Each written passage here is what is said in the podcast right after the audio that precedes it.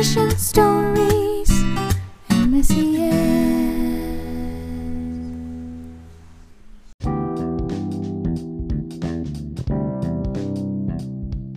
Halo MSCSers Kembali lagi ke dalam wadah berbagi cerita dan inspirasi. Iya, hari ini hari yang spesial dan ayat spesial kita hari ini terambil dari 1 Tesalonika 5 ayat 18 yang berkata, "Mengucap syukurlah dalam segala hal, sebab itulah yang dikehendaki Allah di dalam Kristus Yesus bagi kamu." Wow, ayat yang powerful sekali ya tentang mengucap syukur. Hari ini kita akan bahas sebuah tema yang menurut saya sih cukup menarik karena ngomong tentang resilience, ngomong soal tough, tapi juga fleksibel. Dan bintang tamu kita kali ini adalah Miss Irene Sutanto yang pasti semua udah pada kenal. Beliau adalah uh, head dari Departemen SIP. Oke, langsung aja. Let the story begin. Halo Miss Ellen dan Miss Amel, senang sekali ya. Hari ini mau saya mau cerita tentang sekilas tentang SIP ya. Jadi SIP ini adalah salah satu departemen di mana kita ini mengakomodasi bahwa no child left behind. Jadi setiap anak-anak tuh mempunyai uh, kesempatan yang sama untuk belajar ya. Bersyukur kalau ada SIP di tengah-tengah MSCS yang bisa mengakomodasi anak-anak special need ini untuk belajar bersama dengan siswa reguler.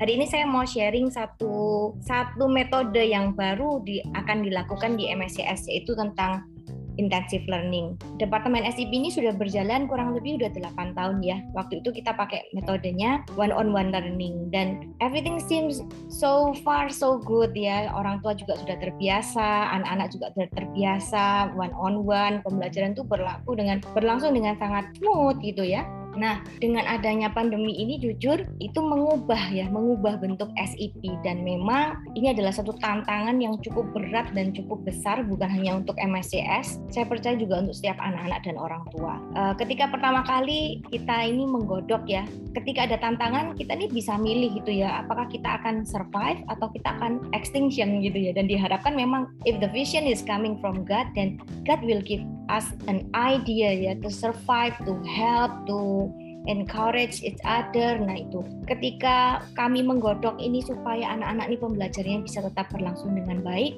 God gives us many idea ya. Tentunya bukan hanya dari saya saja, saya juga bersyukur punya tim manajemen dan juga tim-tim prinsipal yang sangat mensupport sehingga muncullah wajah baru yang disebut intensive learning.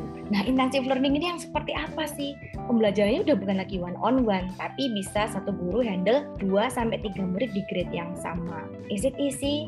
no Não. Ya big no dan sama sekali tidak mudah. Karena dari pihak guru tentunya mereka akan mengalami waduh yang biasanya kalau misalnya ada uh, kejadian tantrum bisa dihandle. Kalau ini kalau misalnya yang tantrum tiga-tiga gimana miss? Ya mereka punya kekhawatiran-kekhawatiran itu. Terus kemudian juga dari orang tua juga yang terbiasa komunikasi apa-apa tanya satu guru sekarang jadi per subjek jadi bingung. Oh matematika harus begini sama miss ini sama miss itu. Kemudian tantangan secara sistem saya sebagai navigate uh, headnya juga juga ini ya cukup masif dia perubahannya. Jadi saya harus siapkan beberapa kurikulum yang memang karena intensif kami harus a little bit ini ya pull out the student from the beginning gitu ya. Jadi harus banyak bikin kurikulum yang selama ini bisa join dengan regular seperti art, PE dan uh, sex education, sensory motor. Banyak sekali yang harus kita selesaikan dan memang untuk menunjang produktivitas guru pembelajarannya sudah nggak bisa lagi individual. Jadi benar-benar benar-benar harus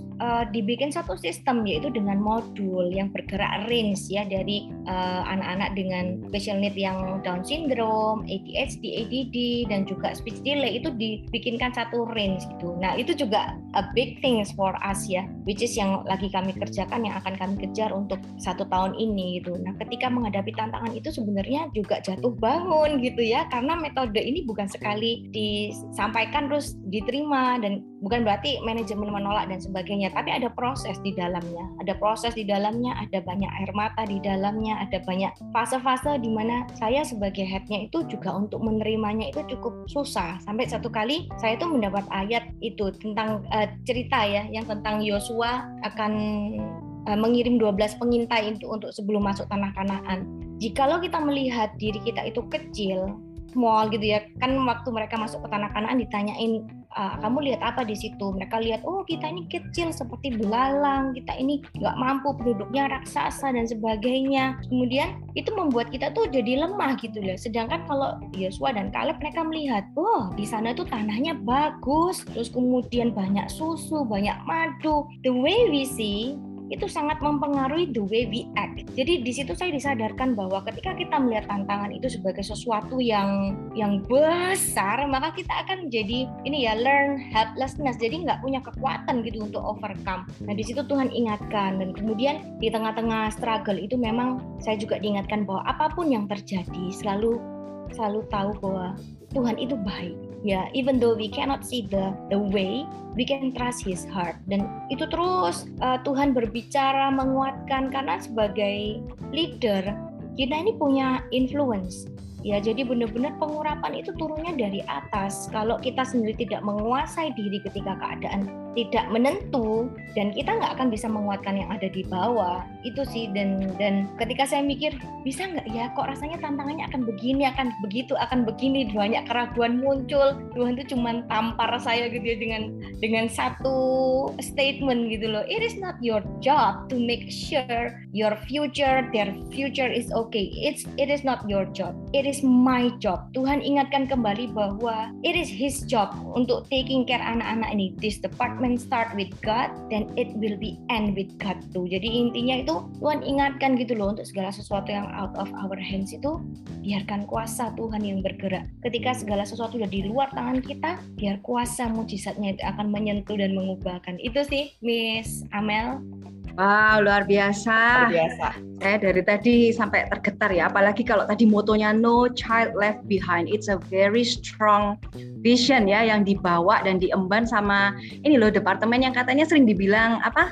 Angels without wings, Angel, tapi full right. uh, tapi full of beautiful smile katanya gitu.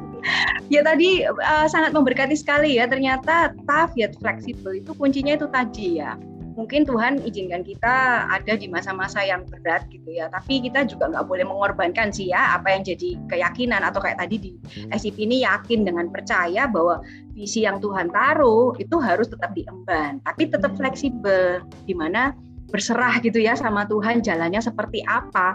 Kadang kalau kita mikir jalannya kayak apa udah apa ya bahasa Jermannya itu keder duluan ya. Tapi kalau mau berserah sama Tuhan, semuanya yes. pasti uh, bisa berjalan dengan baik. Itu ya misalnya ya. Ya betul dan nggak boleh kita lupa bahwa Tuhan adalah gembala kita. Gembala kita sebagai seorang pemimpin termasuk juga gembala anak-anak yang uh, dipercayakan ke dalam tangan kita dan terus mempercayai kalau Tuhan sebagai gembala yang baik itu pasti akan memelihara menyiapkan kita ya Miss Irene, Miss Ellen mempersiapkan kita dan memperlengkapi kita dalam segala sesuatu yang kita butuhkan dan melalui Man. proses ini kita sama-sama tumbuh di dalam Tuhan di lebih baik lagi. Thank you so much Miss Irene udah sharing cerita dengan kita dan buat yang lainnya pasti merasa juga diberkati. Ya, oleh karena itu jangan lupa untuk dengerin kisah-kisah selanjutnya. Oke, okay. see you on the next stories. Stay safe, stay fit.